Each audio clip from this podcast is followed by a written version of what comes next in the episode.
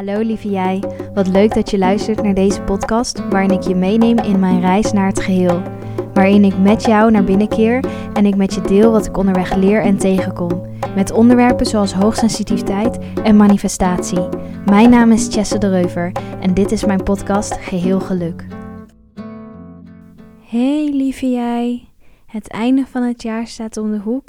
Kerst is er al bijna en voor je het weet is het 2024 een mooi moment om terug te kijken op het afgelopen jaar.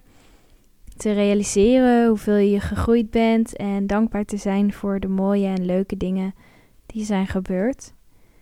Maar ook een moment om af te sluiten. Wellicht heb je wel een verschrikkelijk jaar gehad. Had je ongeluk na ongeluk? Heb je iemand verloren? Ben je jezelf verloren? Een nieuw jaar voelt als een nieuw hoofdstuk, een nieuwe start. Dat is iets moois, omdat je zo de mogelijkheid voelt om te veranderen en om weer licht te zien in de donkere tunnel. En zoals velen om weer goede voornemens te maken. Zelf vind ik het super mooi, krachtig en bijzonder dat we met kerst onze tijd spenderen met onze dierbaren en dat we met oud en nieuw het oude achter ons laten en het nieuwe de ruimte geven om te bloeien. Maar tegelijkertijd heel tegenstrijdig, vind ik alle poespas ook overdreven, overheersend en moeilijk. Niet iedereen voelt zich geliefd met kerst. Niet iedereen houdt van de feestjes en de drukte. Niet iedereen voelt bij het nieuwe jaar de mogelijkheid om te veranderen. En daarbij gebeurt er technisch gezien niets. De dagen zijn gewoon dagen. 1 januari is gewoon de dag na 31 december. Het is allemaal niet zo spectaculair. Maar omdat het zo wordt opgehyped, kunnen mensen zich ook extra alleen voelen. En bang zijn dat ze wat mislopen als ze niet naar een feestje gaan met oud en nieuw. Ik voel me dus erg tegenstrijdig over de feestdagen en oud en nieuw. En iets wat ik heb geleerd is dat ik het niet zo serieus moet nemen en voor mezelf moet kiezen. Ik ga genieten van de tijd met mijn familie, maar als ik moe ben, ga ik op de bank liggen of naar huis met oud en nieuw neig ik er nu naar om gewoon lekker om tien uur naar bed te gaan. En om de juiste energie te behouden die ik ervaarde toen ik begon met manifesteren, zal ik opnieuw weer stilstaan bij het afgelopen jaar en misschien zelfs de jaren ervoor. Om mezelf extra bewust te maken van de enorme groei die ik heb meegemaakt en van de groei die ik nog steeds maak. Daarbij zal ik de manifestaties die ik de vorige keer heb gemaakt doornemen en nieuwe manifestaties maken. Nu wil ik één manifestatie heel graag met jou delen die al uit is gekomen, waar ik nog steeds super verbaasd over ben. Mijn vriend en ik verlangden al langer naar een huisdier. Een hondje bleek niet mogelijk, waarna we het even hebben losgelaten. Begin november begonnen we te kijken op Marktplaats voor een kitten.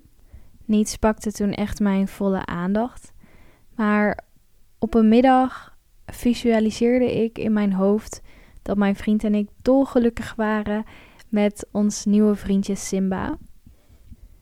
Ik zei in mijn hoofd dat Simba de perfecte match is. Terwijl ik dit in mijn hoofd visualiseerde, was ik me bewust dat het erg gewaagd was om een naam aan het beestje te koppelen. Hierdoor zou het namelijk eventueel moeilijker worden om de manifestatie werkelijkheid te maken. De visualisatie duurde maar een paar seconden, misschien een minuut, maar dat bleek niet minder krachtig. Een dag later kreeg ik een ingeving dat het eigenlijk nergens op sloeg dat we op marktplaats keken. Er zijn zoveel leuke, lieve katjes in een asiel die onwijs veel liefde nodig hebben en een nieuw thuis. Ik zocht op Google op een asiel in mijn woonplaats. Als in, ik zocht letterlijk asiel in mijn woonplaats. um, en ik kwam op de site verhuisdieren.nl.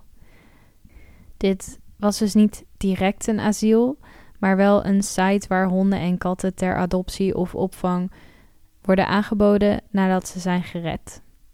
Na kort scrollen door alle katjes kwam ik al heel snel bij de perfecte kitten met de perfecte naam.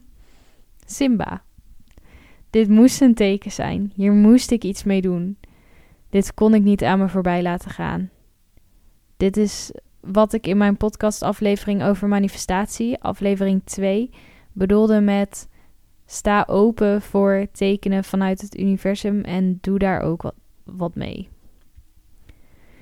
Na kort overleg met mijn vriend heb ik interesse getoond in Simba.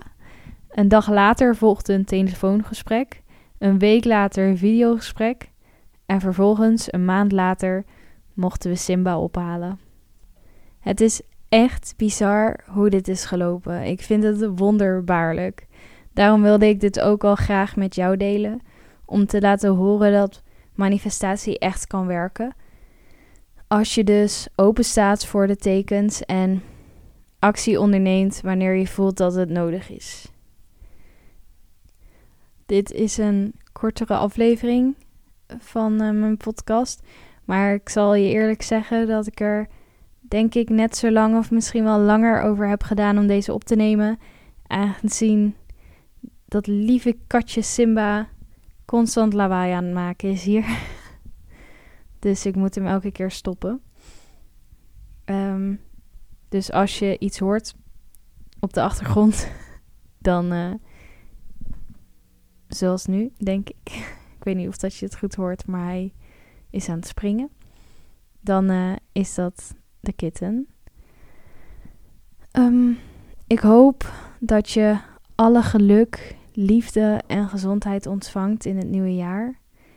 Volg jezelf. Dan zul je altijd het juiste pad leven. Dankjewel voor het luisteren en tot volgend jaar.